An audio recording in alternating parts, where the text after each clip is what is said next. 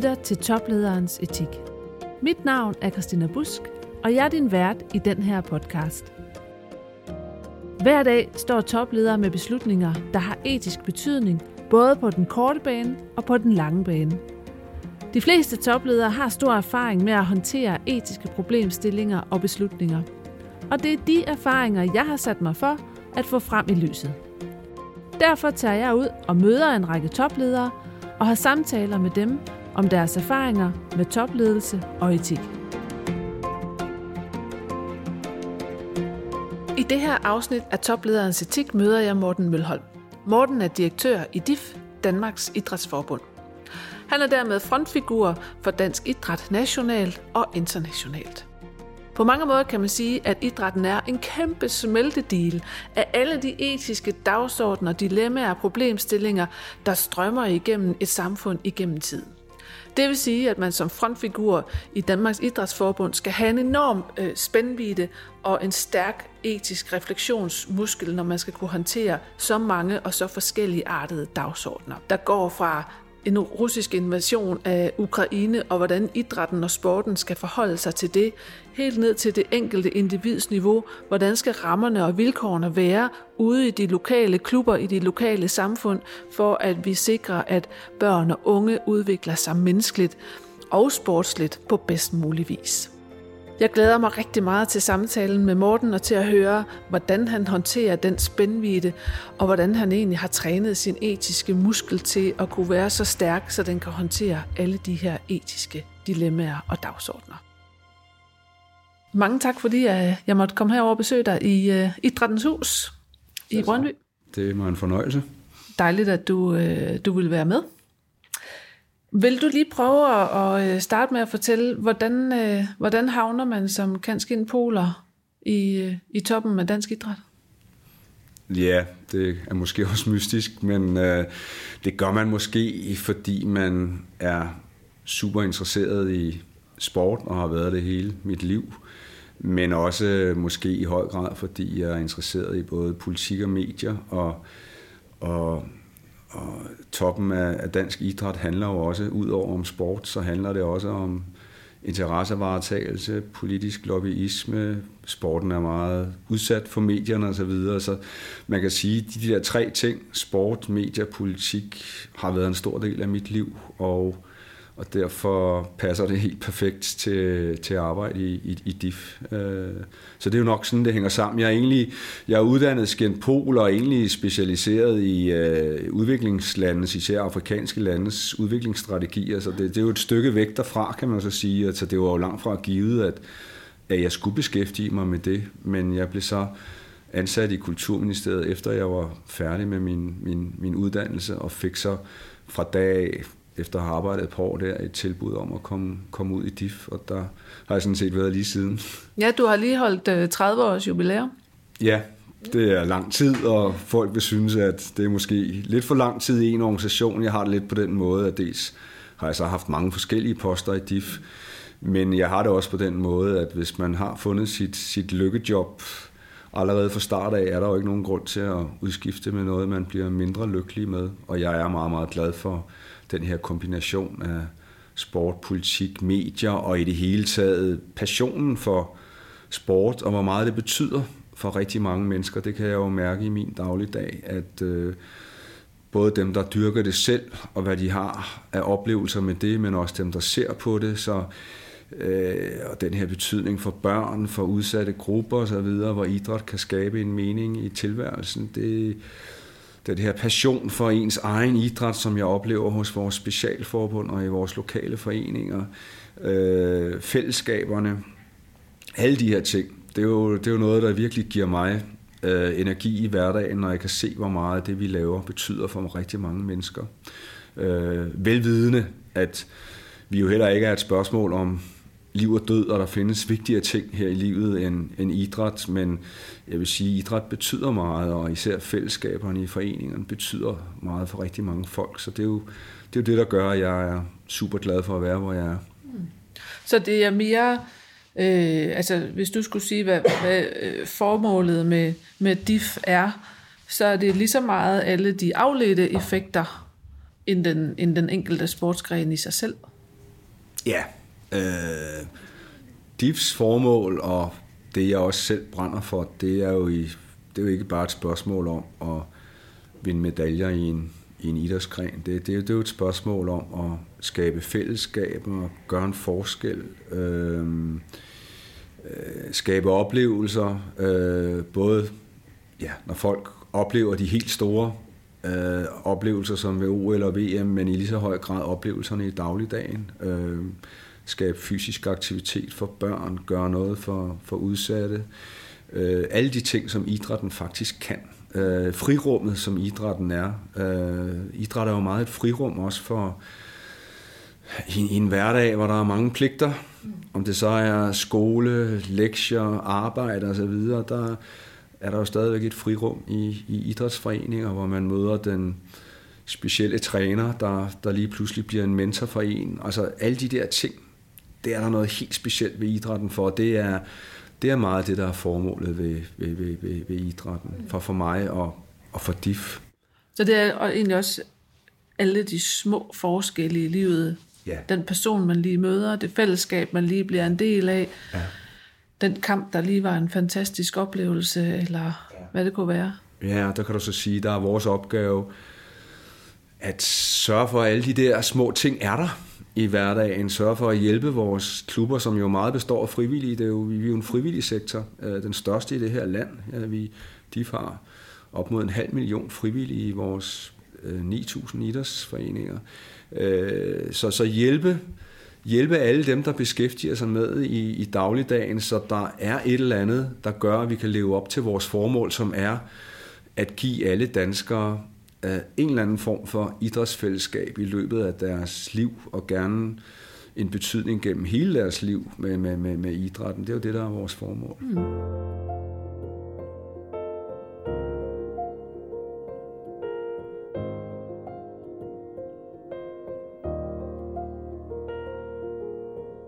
Og hvis vi lige prøver at, at blive sådan i det nære, fordi nu, nu rørte du også lige lidt ved, at der jo også er hvad skal man sige, et globalt udsyn, kan man sige, også i kvæg af de politiske interesser, der er i sporten.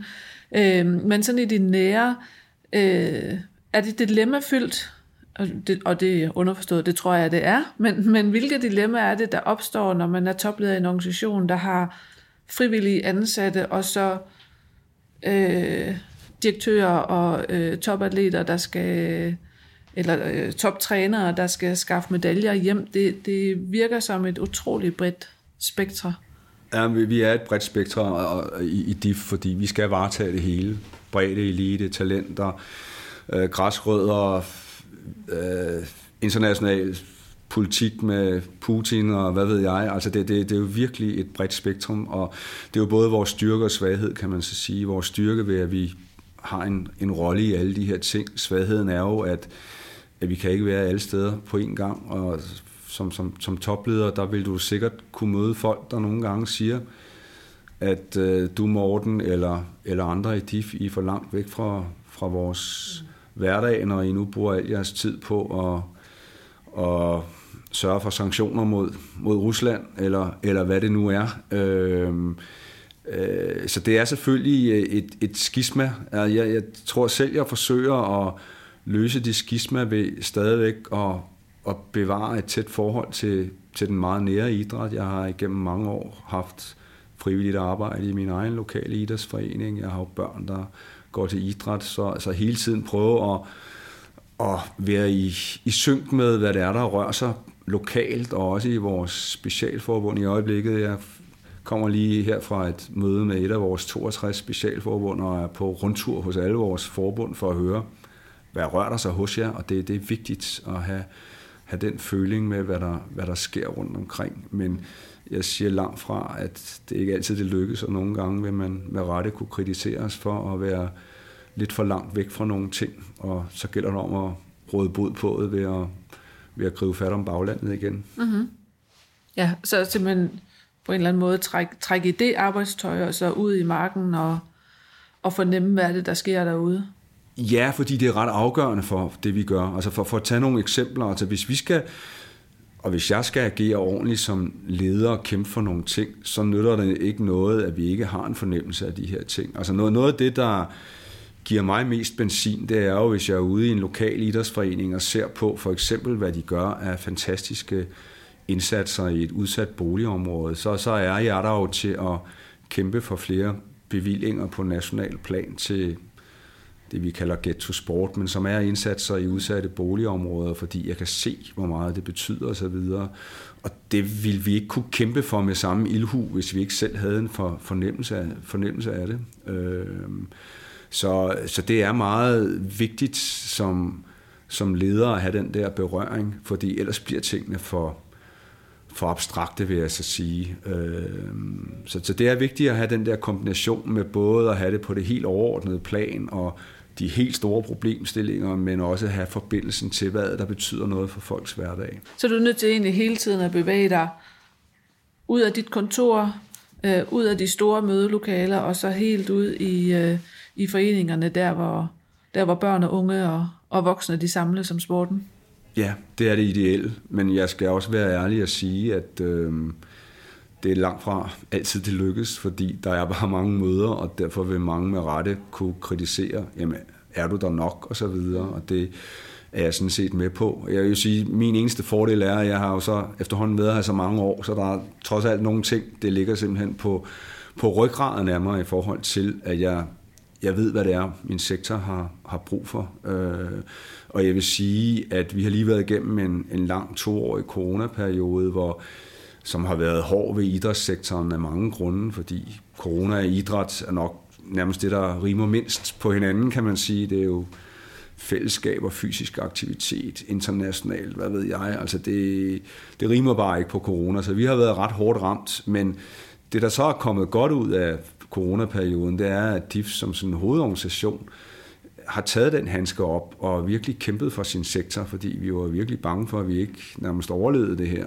Mm. Øh, og, og det har gjort meget godt for os, øh, både i forhold til vores bagland, men også i forhold til, at samfundet har kunne se, hvor meget foreningsidrætten, fællesskab og fysisk aktivitet, hvad det betyder for børn især osv., ja, hvad det betyder, og hvor meget det så er vigtigt nu at værne om den sektor her, også efter corona. Der, der har der har vi virkelig vist, hvor meget vi betyder for samfundet. Ja. Øh, så, så der er kommet noget godt ud af corona, vil jeg sige, for vores sektors vedkommende. Øh, og det synes jeg egentlig, vi var meget gode til at, til at gribe, og vi er så også en sektor, som er kendt for at være gode til at organisere os. Altså vi, i modsætning til kultursektoren, som er jo meget fragmenteret, så, så er idrætten jo bygget op om hele tiden at organisere sig lag på lag på lag, og det vil sige, det kan der være ulemper ved, men det gode ved er, at vi har lige linjer til vores bagland, og vi kan repræsentere idrætten med én stemme over for myndigheder og så videre, i stedet for at være spredt på, på, på 120 stemmer. Mm. Så det er ikke hvert enkelt lille forbund eller store Nej. forbund, der skal Der overlader man det trods alt til os, og det er så selvfølgelig en opgave at få alle til at, til at vandre i flok. Men, men, men, men det har nogle klare fordele, det har det. Og, og det her med, at øh, det må jo så samtidig jo også være en post, hvor man som topleder er udsat for, eller beriget med, kunne man også sige i stedet for, rigtig mange interesser. Øh, hvordan, hvordan balancerer du interesserne, nu når der også er så mange forbund, fordi I repræsenterer jo alle. Ja, og, og det er svært. Øh, forstået på den måde, at at vi repræsenterer mange, og de har også forskellige interesser. Altså øh, vores største forbund, DBU, som har 350.000 medlemmer og, og en virkelig stor omsætning og professionelle fodboldspillere, og så har vi et lille bitte forbund, Moderne Femkamp, som måske har 63 medlemmer, øh, og på fuldstændig frivillig basis det hele. Det viser lidt om spændviden, og øh, de har selvfølgelig forskellige behov, vi skal, vi skal varetage, og det, det kan være svært, og jeg vil så sige, det, det der bærer meget i idrætten i Danmark, og også DIF som organisation, det er jo, at der skal være en eller anden forståelse af solidaritet øh, mellem idrætterne, øh, mellem de store og de små, øh, hvor egentlig håndslaget, man har givet til hinanden i DIF, det er, at de store er med på, at når vi fordeler penge og laver interessevaretagelse, så skal vi tage hensyn til til de små. Og det vil sige, at de får relativt mere ud af medlemskabet af DIF, end de store gør, fordi de bedre kan klare sig selv. Mm-hmm. Så, og er det sådan en særlig dansk tanke øh, i idrættens verden? Nu, jeg kender jo kun idræt fra, fra dansk side, men, og der lyder det jo sådan naturligt, når du fortæller det. Men er det egentlig det, hvis man ser det på verdensplan? Ja, jeg vil, jeg vil sige, at det vi er i Danmark rigtig gode til, det er fordi vi har den her foreningstradition, og det er jo det, vi er bygget af her. Og, og i modsætning til, til, til mange andre lande, og i modsætning til andre sektorer i, i Danmark også, nu nævnte jeg med kulturen før, som, er, som, som aldrig har formået at slå sig sammen i en eller anden paraply-kulturorganisation, fordi det kræver, at det kongelige teater er solidariske med nogle andre og så videre. Altså ligesom DBU skal være solidarisk med nogle af vores, vores mindre forbund. Ja, jeg vil sige, det er særligt øh, for, for, for Danmark og måske nogle af de nordiske lande. Øh, du ser det ikke på samme måde, så stort et sammenhold på tværs af idrætten, og jeg siger ikke, det er en nem ting, og vi har også vores brydninger internt, men, men grundlæggende har vi en forståelse af, at vi skal være solidariske med hinanden, fordi hvis vi er det, så er vi stærke sammen. Det, det, det er sådan, der, der ligner vi jo den, den klassiske fagbevægelse lidt, mm-hmm. altså ja. øh, gennem årene. Der er også en dansk model for idræt. Ja, der er, der er nemlig en dansk model, og en, og en dansk model, som, øh, Øh, hvor der er meget respekt for, at der er en masse frivillige, der har hjulpet nogle talenter til at blive stjerner, og de stjerner skal også give tilbage til det, de kom fra. Øh, så der er også en solidaritet, ikke bare mellem idrætter, men, men også mellem elite og bredde og børn og unge osv., at man skal levere tilbage til det ophav, man kom fra. Øh, det er under pres, fordi der er kommet mange penge i idrætten, og hvad ved jeg, men, men vi lever stadigvæk højt på det, vi kalder en, en, en dansk sportsmodel, hvor der er den her forståelse af, at jeg tror, vi kaldte det ved sidste OL, ingen vinder alene, man, man, man, man bygger oven på hinanden, og det er jo så også noget, vi bruger i forhold til resten af samfundet, hvor virksomheder gerne vil identificere sig med, med, med den her, du kan kalde det CSR-ting, eller etik, eller sammenhold, der, eller sammenhængskraft, der er i idrætten omkring, hvad vi,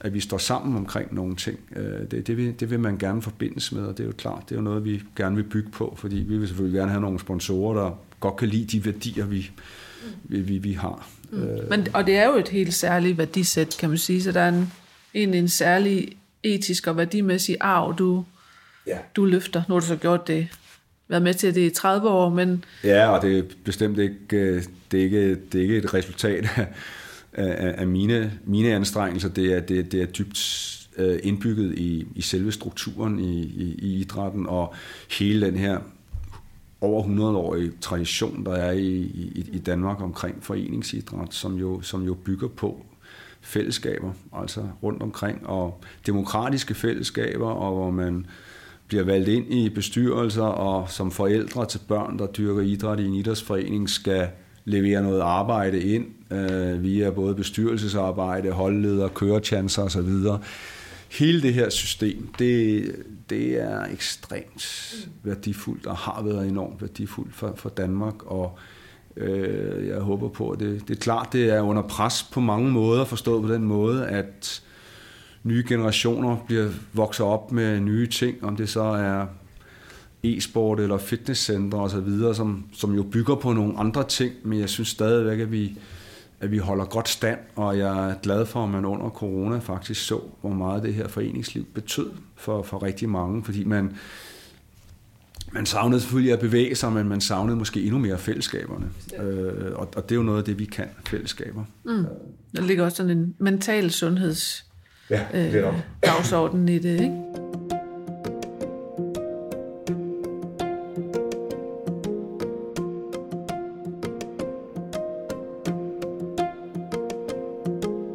Man kan jo også sige, som, som topleder i en type organisation som den her, så kan man ikke, man kan selvfølgelig altid komme ind for højre, men, men det kræver også, at man har en respekt for historien og for traditionerne og for det store, brede arbejde, der bliver gjort derude. Egentlig også respekt, dyb respekt for værdierne, kunne jeg forestille mig. Ja, jeg tror, øh, jo, det kunne man sikkert selvfølgelig øh, godt komme fuldstændig ind for højre, men jeg, jeg vil sige, at vi, vi, vi har et system i, i DIF, og også, det består også af en masse folkevalgte politikere, og øh, man, man har ikke endnu set hos DIF, at der bare kom en eller anden stor kendt mand ind udefra og blev valgt som for eksempel som, som formand for DIF. Øh, øh, mine forgængere på direktørposten har også været børn af, af idrætten selv og så videre. Så det er klart, at vi, vi, vi kommer med noget arv, og jeg er selv i, i høj grad opvokset med foreningstradition og har mere dyrket i øh, idræt og interesseret mig for sport i det hele taget. Så det er klart, at, at der, der kommer vi med, men, men derfor skal vi så også være åbne over, hvor der kommer nogen udefra, der udfordrer os på nogle ting. Altså på den måde vil jeg sige, altså sporten er jo øh, Sporten er på den måde, vi, vi har enormt mange aspekter i sporten, der jo på mange ledere kanter et spejl af samfundet, og hvor måske så bare bliver udtrykt med tusind gange styrke i sporten, altså jo helt ekstremt, altså nu både med, fordi sporten er meget følelsespræget og passioneret og, og meget optrædende i medier og i dagligdagen, så man får den jo med fuld styrke, men, men der ligner vi jo meget resten af samfundet. Alt det, jeg fortalte om før med, med, med, med, med fællesskaberne og solidariteten, er jo også et spejl af det Danmark er på en eller anden måde, og på godt og ondt med sammenhængskraft, øh, lokalt, nationalt osv., men også en række af de andre dilemmaer, der er i sporten omkring med, hvad ved jeg, med at, med at, med at snyde, med hvordan man samarbejder internationalt øh, med seksuelle krænkelser, øh, altså alle de her problemområder øh, og etiske dilemmaer og moralske spørgsmål osv., dem finder du i idrætten og ofte bliver de endnu mere tydelige i idrætten, fordi vi er så eksponeret. Ja, det er jo som om, at idrætten er, har jeg også øh, skrevet i mine noter, sådan et, et etisk resonansrum. Altså, at I har også, øh, I har alle de, øh, hvad skal man sige, etiske dagsordner, og så er det jo nogle gange det er som om, at de næsten bliver forstørret inde i idrættens rum, ikke? Så det bliver sådan, det, det kommer til at runge. Ja. Øh, og, og man kommer, men altså, er det også sådan, at man kommer til at kigge på, hvordan, hvordan håndterer idrætten det her. Øh, hvordan det kunne for eksempel være, øh, nu hvor man kigger på det her med gender diversity og øh, øh, kønsskifte og så videre, det transkønnet, ikke?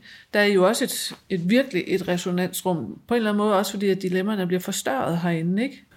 Ja, og det, det er jo fuldstændig rigtigt. Det, en, en række af de her problemstillinger bliver forstørret hos os. Øh, jeg, jeg tror, det hænger sammen med mange ting. Jeg nævnte lidt før, at, at det har også noget at gøre med, at, at, at i modsætning til i hvert fald nogle andre sektorer, så er vi enormt eksponeret i medierne, så derfor øh, er vi en populær sektor at tage fat om. Men, men det hænger også sammen med, at idrætten er opstået af regler. Altså, der, der er enormt mange regler i idrætten, ud fra et synspunkt om, at fordi der ligger en masse konkurrence i idrætten, at man skal konkurrere på lige vilkår. Så, og, og deraf opstår jo en masse dilemmaer, etiske, øh, juridiske, hvad ved jeg, dilemmaer, som opstår, fordi vi har det her grundsynspunkt, der hedder, det skal være lige og fair. Øh, og det er, sådan vil man jo også gerne have det i resten af samfundet, men i idrætten, der er næsten alt sat i system og i regler og Øh, Øh, det er jo også derfor, vi er så gennemorganiseret. Det er jo grunden til, at vi oprindeligt er blevet så gennemorganiseret. Det var, at der var et ønske. De var jo dannet på baggrund af et ønske om, at man ville have ordnede forhold og regler for alle idrætter. Det er, det er jo grunden til, at vi er dannet for 125 år siden.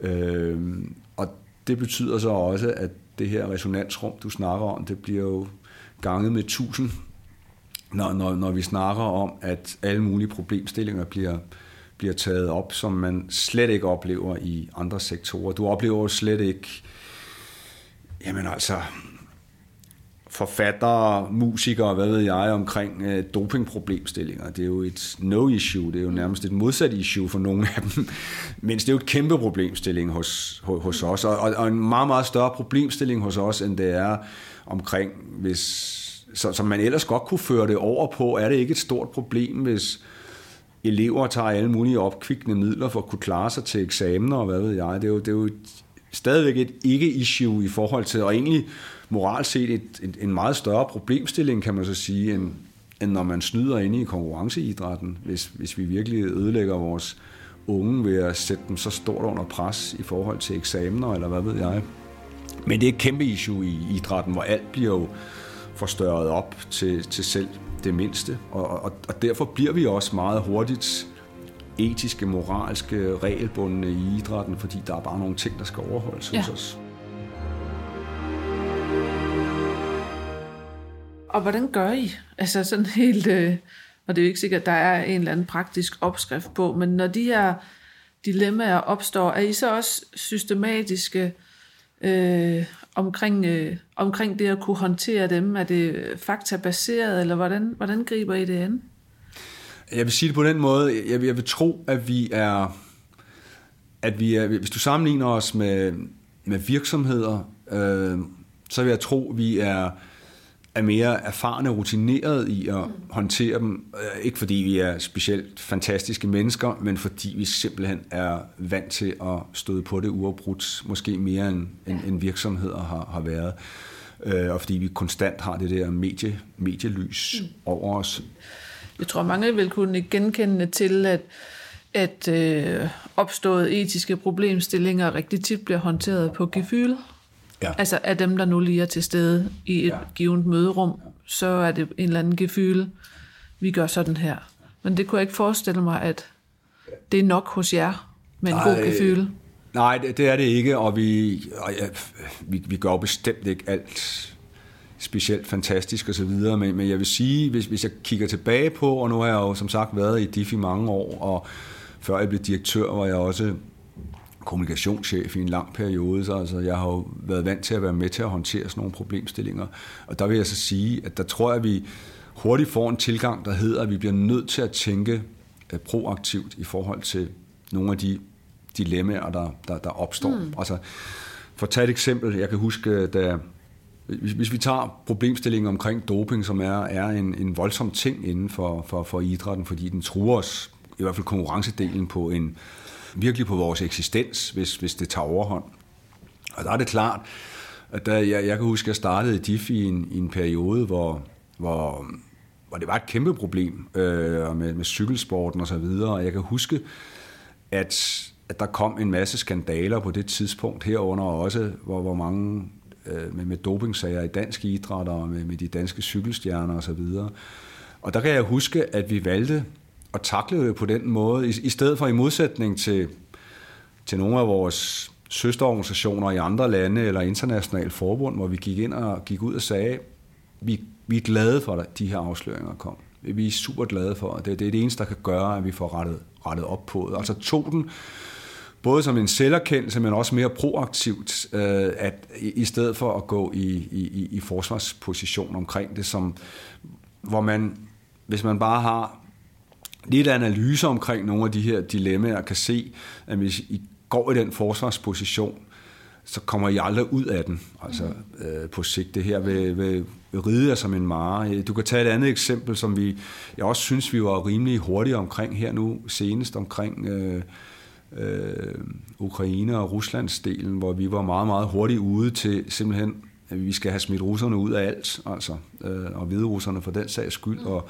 presset på for det, også internationalt, og hvor idrætten faktisk, selvom vi normalt er det, især de internationale forbund, er lidt fodslæbende omkring sådan nogle ting, og med at blande politik og sport, men alligevel var hurtigt ude til at udelukke, øh, og faktisk hurtigere end de, de offentlige myndigheder var, og EU og så videre.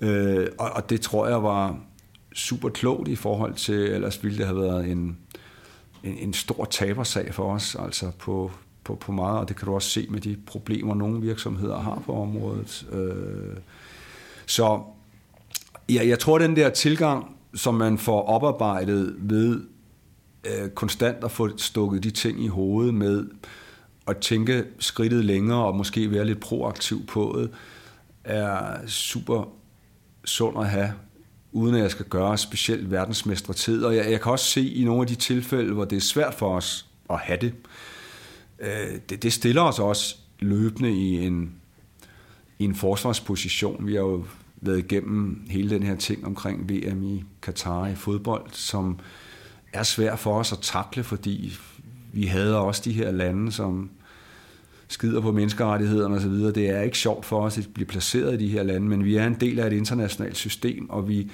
øh, synes heller ikke, det er, er rimeligt, at det kun er sporten, der skal boykotte de her lande. Vi er jo med på, at de skal boykottes, hvis vi også har nogle tungere sanktioner med os. Men det, er, det kan være svært at forklare, og der, der lander vi også ofte i en, i en forsvarsposition, men hvor vi stadigvæk synes, det er for voldsomt, at, at sporten skal hænge på alt ansvar i den her verden, når man, når man ikke vil de tungere økonomiske sanktioner over for Katar og Kina osv. Ja, så sporten kan jo ikke stå alene i de store politiske spørgsmål. Det er det.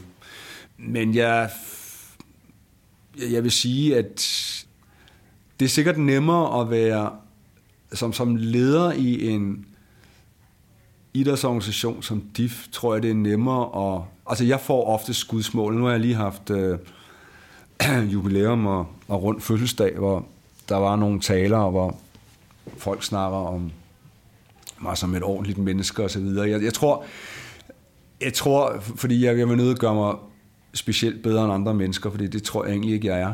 Øh, jeg tror, det er nemmere at fremstå som et ordentligt menneske, når man er leder af en idrætsorganisation, fordi der følger hele tiden nogle etiske problemstillinger med, man bliver nødt til at forholde sig til udad til, og fordi vi så er så eksponeret, så kommer man til at fremstå meget etisk øh, ordentlig, eller i hvert fald, at man bliver tvunget til at forholde. Og især som paraplyorganisation for idrætten, hvor alle de der alvorlige problemer samler sig øh, oppe i toppen. Mm. Øh, det, det, det, det tror jeg hurtigt, man får sådan et, et, et ansigt ud af tilsyn. Ja.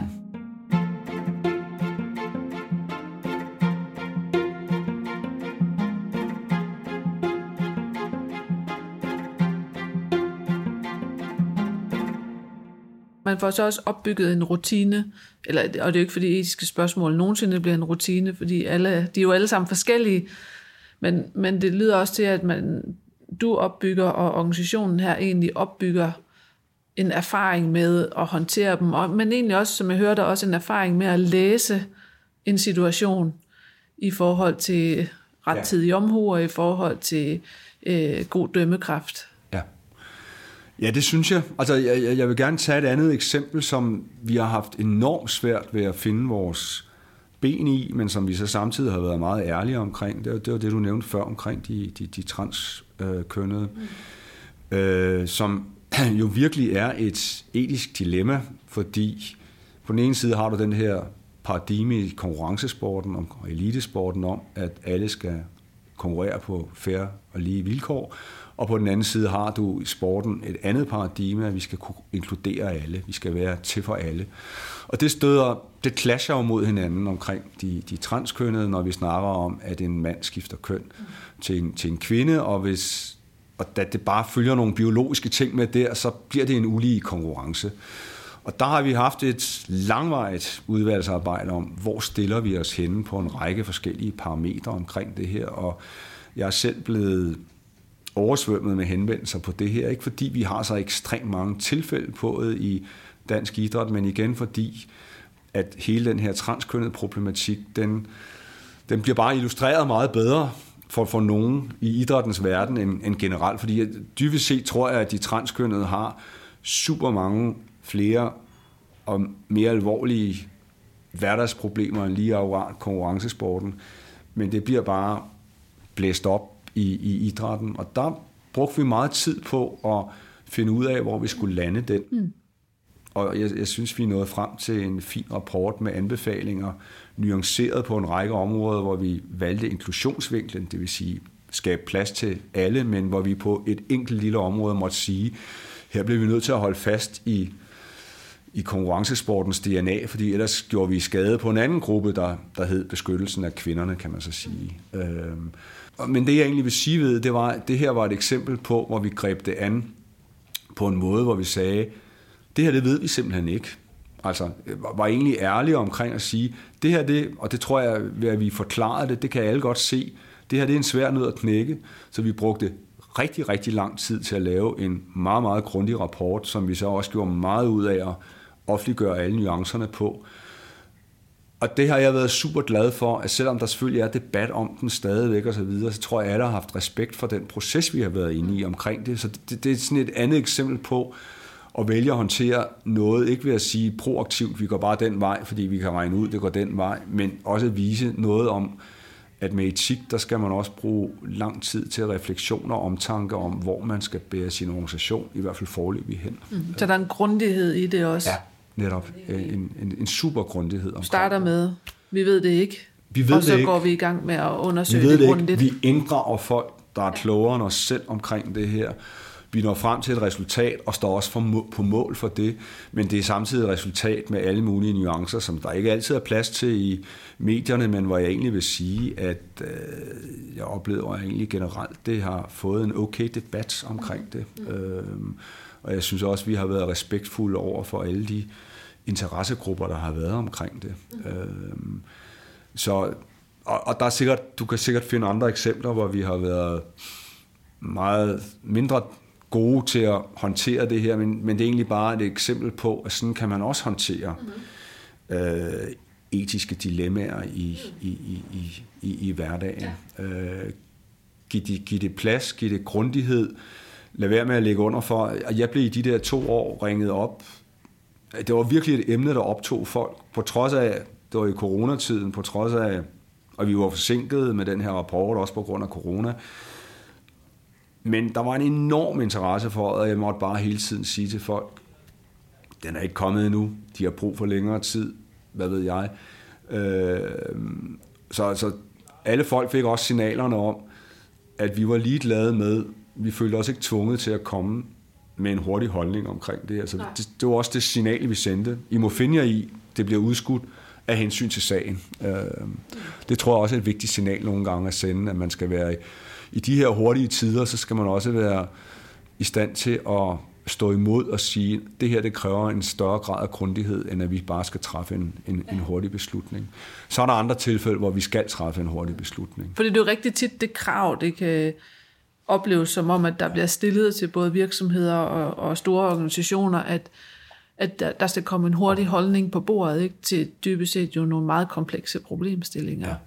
Det, det, det gør der i høj grad, og, øh, og hvor der ofte heller ikke er plads til nuancer og så videre. Og, og, og jeg er sådan set med på, at det er sådan, virkeligheden fungerer, og jeg, jeg synes også, at vi er givet til at tage de hurtige beslutninger, men, men jeg synes også, at man skal have mod til at gå op imod den, den trend en gang imellem, og det gjorde vi i det her tilfælde omkring de, de, de, de, de transkønne. Man kan så sige, det gjorde vi også i og med, at vi heller ikke havde tusind sager, der ventede på os. Så på den måde kunne, man, vi jo, kunne vi jo godt argumentere for, at vi egentlig havde gang i rettidig omhu, og egentlig var lidt på forkant med udviklingen, fordi så mange sager havde vi ikke i dansk idræt. Men alligevel, der var et stort pres på at få et svar hurtigt fra os.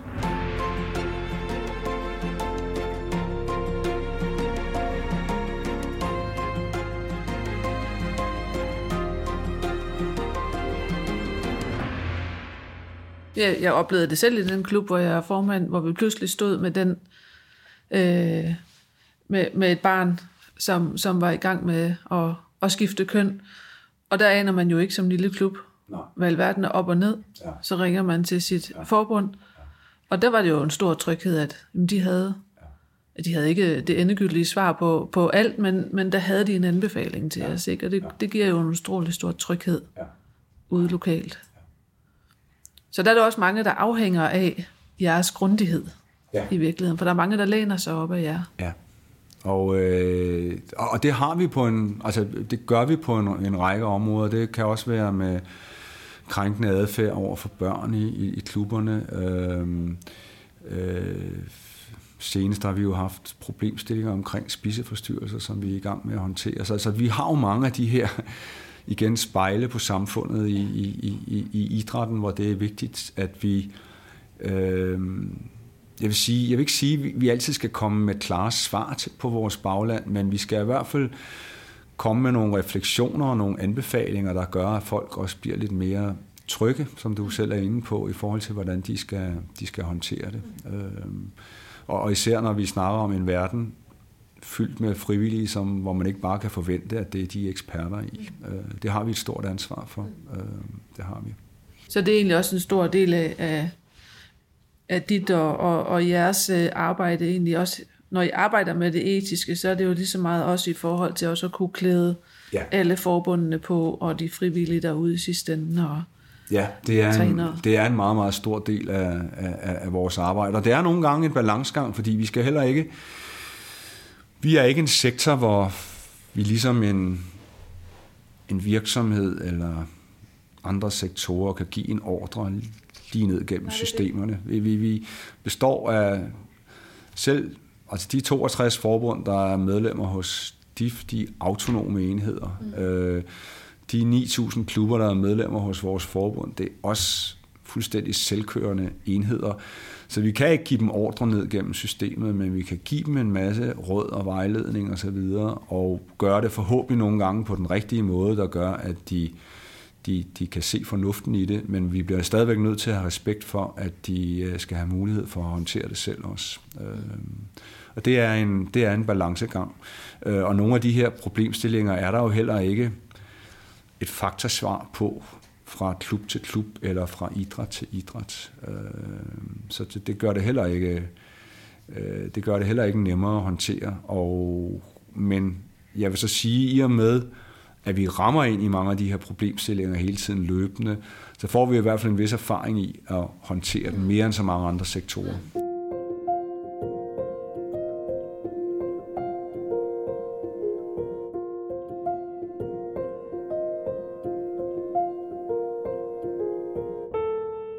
Og hvis vi lige prøver at bevæge os tilbage til det med sådan det politiske og globale politiske, fordi der er jo også sådan et resonansrum. Nu nævnte du lige selv øh, krigen i Ukraine og, og udelukkelse af Rusland, og, og der var VM i, i, øh, i Katar. Men, men det er jo også et utroligt stort spænd fra, fra den frivillige miniput gymnastikforening, som jeg repræsenterer, og så til, til storpolitik øhm, og de store politiske dilemmaer. Ja, og det er... Det, det kan virke voldsomt, fordi vi er virkelig, og jeg, jeg overdriver ikke, vi er virkelig oppe i de, øh, de helt store ting, hvor, hvor sporten lige pludselig, og jeg, jeg kan huske, da jeg, da jeg startede ude i DIF, der havde jeg måske nok også lidt den holdning, øh, har det måske stadigvæk, at skal vi heller ikke gøre sport til mere, end det er. Altså det er trods alt en fritidsbeskæftigelse, nogle gange ophæver, eller ophøjer vi det til et eller andet mere betydningsfuldt, end det er. Men vi må også bare konstatere, at der er også bare store lande, der, der bruger sport, som, som man kan se for eksempel med Rusland og Kina og så videre. I kan se det med OL og VM i fodbold, at, det, at der bliver sport brugt til nogle meget, meget, meget store ting. Det skal vi jo være bevidste om i, i, i, i sportens verden, at øh, igen er det en balancegang, det her med, at på den ene side samle verden i fredelig kappestrid, og på den anden side være opmærksom på, at sporten bliver misbrugt til nogle mm. ting. Øh, og at vi så har så kæmpemæssig betydning, så nogle gange bliver vi virvlet ind i, at vi har en rolle og skal mødes med store statsledere, og øh, jeg har selv oplevet, og når vi kritiserer Rusland, om det så er Ukraine, eller om det er for deres misbrug af doping og så videre, så, så ryger man jo op på et niveau, hvor man bliver truet, altså jo okay, nærmest. Ja. Altså, der, der ryger du også op i nogle ting, øh, som øh, man kan være forbavset over, at hov, var det lige vores lille sportssektor, der skulle ryge ud i sådan noget her. Men, men, men øh, samtidig skal vi jo så også sige til os selv, jamen så må vi jo tage det ansvar på os, at, at sport betyder noget for så mange. Så, så vi har en eller anden betydning på de her helt store ting. Øhm, og det er igen en meget, meget vanskelig balancegang, det må jeg nok sige, fordi øh, jeg er ikke en tilhænger af, at altså, sport og politik er jeg sådan set med på, kan ikke adskilles, men omvendt vil jeg også gerne have, at sport er noget, man kan samles om. Øh, jeg, jeg er jo ikke en tilhænger af, at vi bare siger, at vi ikke kan dyrke idrætssamkvem med den del af verden, der ikke er demokratisk, fordi så er der ikke så mange lande, vi kan, vi kan gøre det med, så vi bliver jo nødt til at finde en eller anden modus vivendi i, hvad det er, at vi, at vi stadigvæk mødes for at samle, samle verden, men der skal selvfølgelig være mening med galskaben, og den stopper i hvert fald med, hvad det Rusland gør med, så må de jo udelukkes fra det gode selskab. Øh, men det giver os løbende nogle dilemmaer, det gør det virkelig. Det må det også gøre, fordi som regel så er det vel også sådan, at den enkelte udøver bare gerne vil på banen, bare gerne vil i hallen, bare gerne vil på vandet, eller hvor man nu dyrker sin sport. Altså, de er der jo for sportens skyld, ikke? Det er de, og derfor er et grundprincip hos os, og også er for vores egnes udøvers vedkommende, det er, at vi vil helst ikke have, at udøverne bliver gjort til gisler, som, som leder noget større. Samtidig må vi også så sige, at, øh, at på et tidspunkt må man også bare sige, at når det gælder russiske udøvere, så hænger de altså lidt på det land, de er en del af, og der må vi simpelthen træde til sanktioner. Øh, så, så der er en eller anden grænse, der, der overtrædes der, og der må man som russisk udøver finde sig i, og så bliver man udelukket for det gode selskab, når man tilhører et land, der begår sig grove overtrædelser. Og her ser vi vel også lidt en tendens til, at, at den enkelte udøver faktisk også bliver holdt ansvarlig. Det ser jeg lidt som sådan en måske en ny tendens, at, at så begynder vi at ønske os, at X, Y og Z udøvere skal sige nej til et eller andet, eller skal have en holdning. Og det tænker jeg egentlig også er lidt nyt i sportens verden, at vi afkræver ja. dem en holdning. Ja, der er sket et, et, et skred, er måske så meget sagt, men det, det er rigtigt, der er sket en bevægelse i de sidste par år, måske især affødt af situationen omkring VM i fodbold og Katar, øh, hvor der lige pludselig er sket det, at, og det er nok en blanding af mange ting, men, men lige pludselig er almindelige fans blevet engageret i spørgsmål omkring boykot, som du aldrig har set før. Altså der har boykot diskussioner af store begivenheder har altid været der, men det har været på et lidt mere elitært plan, hvor det er blevet gjort som led i en politisk kamp mellem partier eller ideologisk kamp, men ikke så meget nede på græsrodsniveau. Og, og der har du set, at, at klubber og landsholdsfans er gået ind i debatten meget mere, øh, fordi man det har været for dels er fodbold jo en meget folkelig sport ja. med, med, med store fanskare. Øh, dels har det jo også været blandet sammen med, at man synes, det er latterligt, at fodbold skal spilles nede i et land, der oprindeligt skulle det spilles i 50 graders varme, og de har ingen tradition for fodbold. Så der er jo mange ting, der bliver, jo både menneskerettigheder, men det er også nogle andre ting, der bliver, bliver blandet sammen her. Øh, jeg vil stadigvæk sige omkring øh, udøverne, jeg, jeg kan godt lide, at sportsfolk forholder sig til deres omverden, og, og, og sportens verden har aldrig i modsætning til for eksempel musikkens verden, har aldrig været kendt for, at vi har specielt politisk bevidste mennesker osv. Så, videre. Øh, så, så jeg synes, det er fint, at sportsfolk forholder sig til den verden, de er en del af. Men jeg synes også, det er forkert. Det er ikke deres ansvar at VM i fodbold bliver placeret i Katar. Det er vores. Det er ikke, det er ikke atleterne. Det er ikke dem, der har besluttet, at det skulle, det skulle øh, placeres der. Det er heller ikke dem, der har besluttet, øh, at vinter-OL skal placeres i, i, i Kina. Øh, og, og derfor skal de ikke lide under, at de har brugt hele deres liv på at forberede sig til at komme til et OL. Mm. Så fordi der er nogen, der lige får den dille, at nu skal vi boykotte OL, så skal deres karriere blive sat over styr. Det synes jeg ikke er rimeligt. Og der har de jo faktisk et kæmpe behov for, at det er jer, der tager det. Ja, det, det, det skal vi dække af for. Det er vores ansvar. Det er os, der skal kritiseres øh, og gøre vores arbejde bedre internationalt, så det ikke bliver placeret de her steder. Det er ikke atleternes skyld. Atleterne er i deres gode ret til at ytre sig både kritisk og lade være med at ytre sig om de her ting. Men det er ikke deres ansvar, og jeg synes, det er for voldsomt, at de bliver gjort til, til gisler i det. Sådan har jeg det stadigvæk. Men jeg er da glad for, at de forholder sig til den omverden, og det, det ser man i højere og højere Ja, det grad. ser man måske også i stigende grad. Ja, du ser det især med nogle af de ting, der berører dem meget nært, øh, som spørgsmål omkring homofobi har vi set, fordi de jo selvfølgelig kender nogle af deres venner eller deres holdkammerater, som er, som, som er homoseksuelle eller... Øh, øh, og også omkring race og så videre, med, med, med, med hvordan de knæler før, før kampene, fordi de selvfølgelig har holdkammerater, der er, der er sorte, så, så de føler rigtig meget for den sag, mens nogle gange er det mere abstrakt for dem omkring et eller andet system i Kina er for voldsomt, fordi de ikke har det inde på kroppen af sig. Men, men, men, men de forholder sig i langt højere grad til nogle af de ting, som de synes er urimelige, og det synes jeg er en positiv udvikling, men jeg synes ikke, det er deres ansvar. Jeg synes ikke, de skal ansvarliggøres i forhold til det. Øh, de må meget gerne lægge et pres på os, og så videre, men det er vores ansvar. Det er jo det, vi er sat i verden for, det, som, som ledere til at, til at tage det ansvar på os. Mm, det er jeg, der skal kæmpe kampene. Ja, det er også der skal grilles for det, og hvad ved jeg. Det er ikke, det er ikke hverken øh, landsholdsspillerne i fodbold eller Kasper Julemand, der skal stå til ansvar for det. Øh, de, de har en specifik rolle omkring det sportslige. At jeg så synes, det er super sympatisk, at både Julemand og spillerne, at de forholder sig til, det er sådan noget andet, men det er ikke deres ansvar. Altså, de, øh, det, det er DBU's ansvar, det er DIFs ansvar. Så er det ikke dem, der skal finde på sanktioner? Nej, det synes jeg ikke.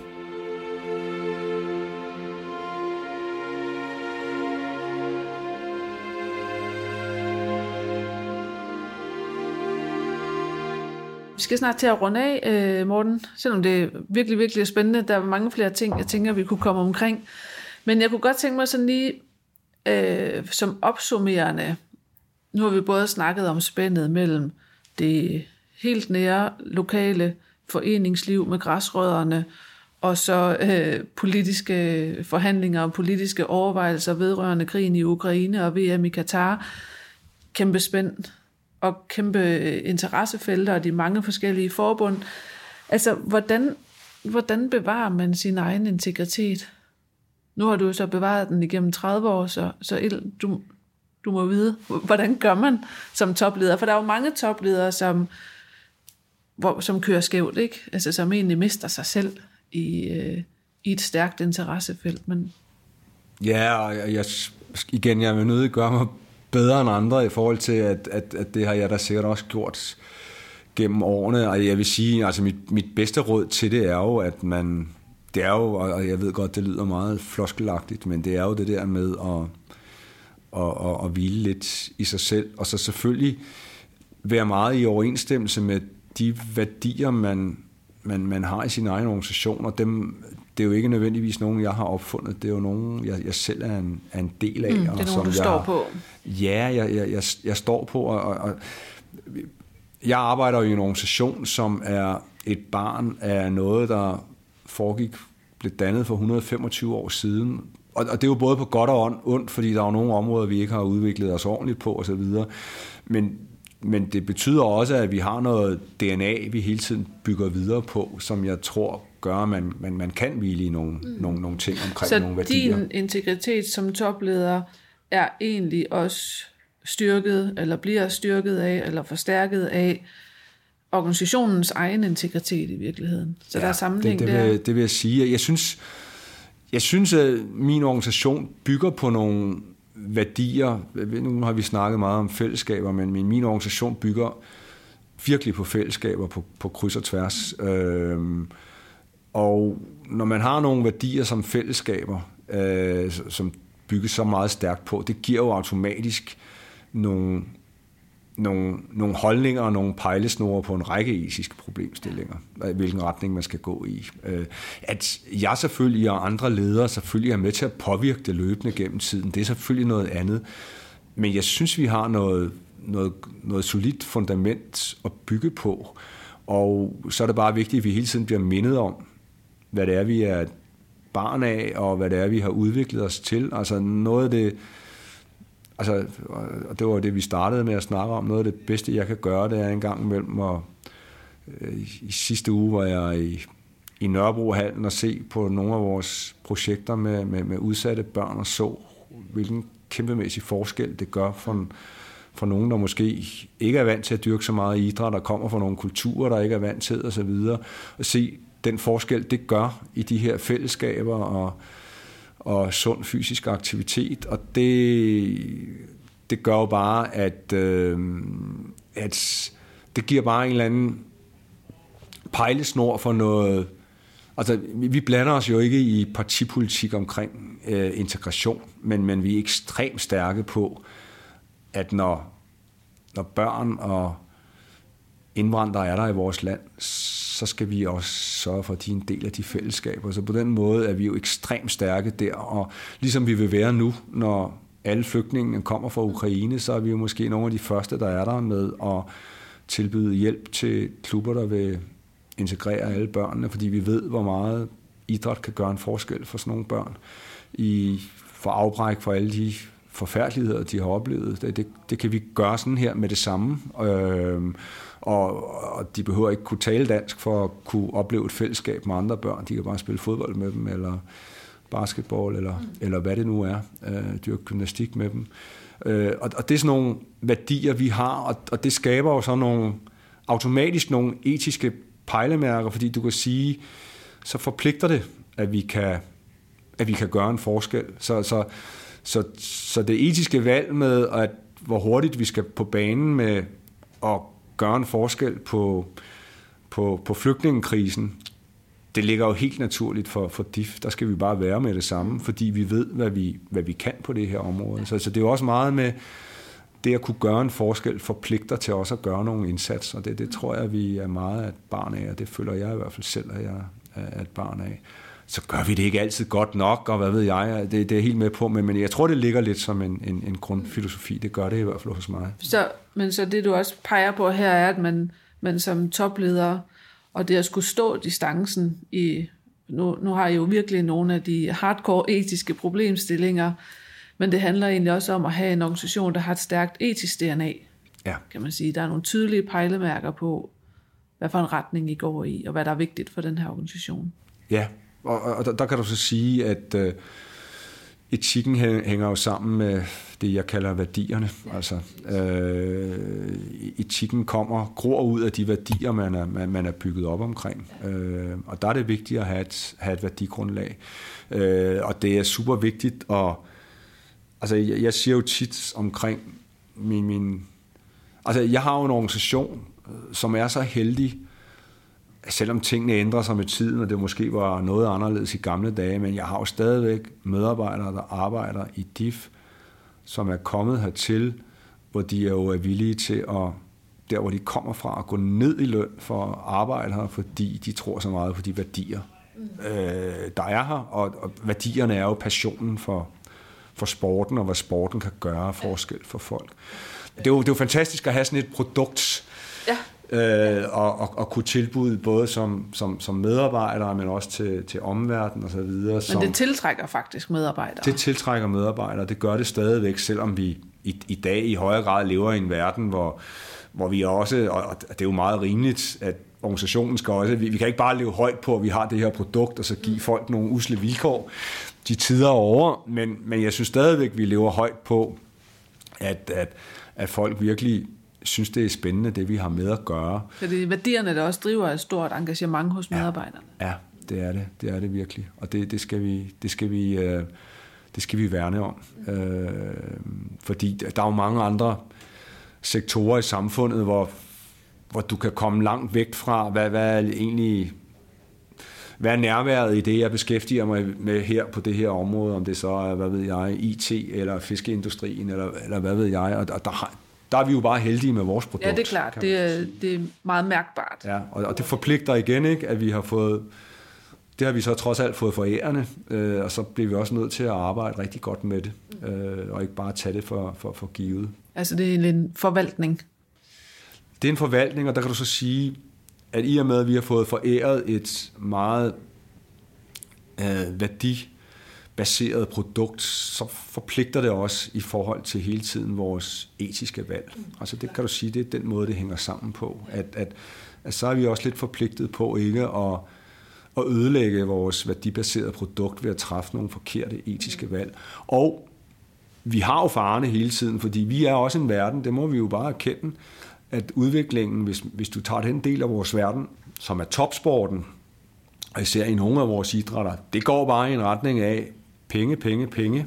Øh, og det er klart, at penge, penge, pengedelen er også med til at øh, sådan er det bare med penge, det kan fordærve nogle ting og så videre, og vi er også blevet meget mere professionaliseret på, på både godt og ondt, og det skal vi hele tiden være opmærksomme omkring, altså, øh, fordi der, der er virkelig nogle, og, og nogle af de her øh, stykke ting for især topsporten, der, der, der er omkring øh, matchfixing, doping, øh, dårlige vilkår for atleterne, spiseforstyrrelser osv., de er der jo. Mm. Øh, og derfor har vi et enormt ansvar for, for at bekæmpe dem. Mm. Øh. Så man kan aldrig hvile på laverbærene. Nej, nej, du kan aldrig sove i timen. Det kan man ikke. Nej. Det, er- det, det er et eviggyldigt råd. Det, det kan man simpelthen ikke. Og muligvis er det jo også det, der holder, at det er jo det, der holder jer skarpe, kan man sige. Ikke? Også som topleder, at man, Ja, og jeg vil sige, at nu har jeg som, og det er jo så måske specielt for DIF som hovedorganisation, fordi problemerne samler sig. Altså, det er jo også det, vi er sat i verden for at håndtere nogle af de der fælles problemstillinger på tværs af idrætter. Og der får vi jo ofte, at det er problemstillingerne, vi skal forholde os til. Men jeg vil da også være ærlig at sige, at det ville have været et kedeligere liv som leder af DIF, hvis vi ikke havde haft de problemstillinger at forholde os til, så ville det jo have været piece of cake, og og det er måske heller ikke så sjovt at være leder for noget, der bare er piece of cake. Altså. Mm. altså etikken, den giver også udfordringerne, eller Ja, netop. livet, eller hvad skal man sige, dynamikken i det. netop. Morten, tusind tak for din tid. Uh, tak fordi du ville være med. Det var virkelig, virkelig spændende. Jeg tror godt, at vi kunne have udfyldt en time eller to mere med endnu flere, men I har jo også en kæmpe palette af etiske dilemmaer, vi kunne kaste os over. Jo, det har vi. Men tusind tak, fordi du ville være med. Det er mig, der tager. Du har lyttet til Toplederens Etik. Jeg var din vært, Christina Busk. Hvis du er blevet nysgerrig eller inspireret og har lyst til at læse mere, så kan du følge os på LinkedIn eller på Facebook, hvor du finder os under Toplederens Etik. Og hvis du kan lide det, du hører, så må du meget gerne give os en anmeldelse i din podcast-app, så du hjælper med at sprede budskabet om toplederens etik. Tak fordi du lyttede med, og vi lyttes ved.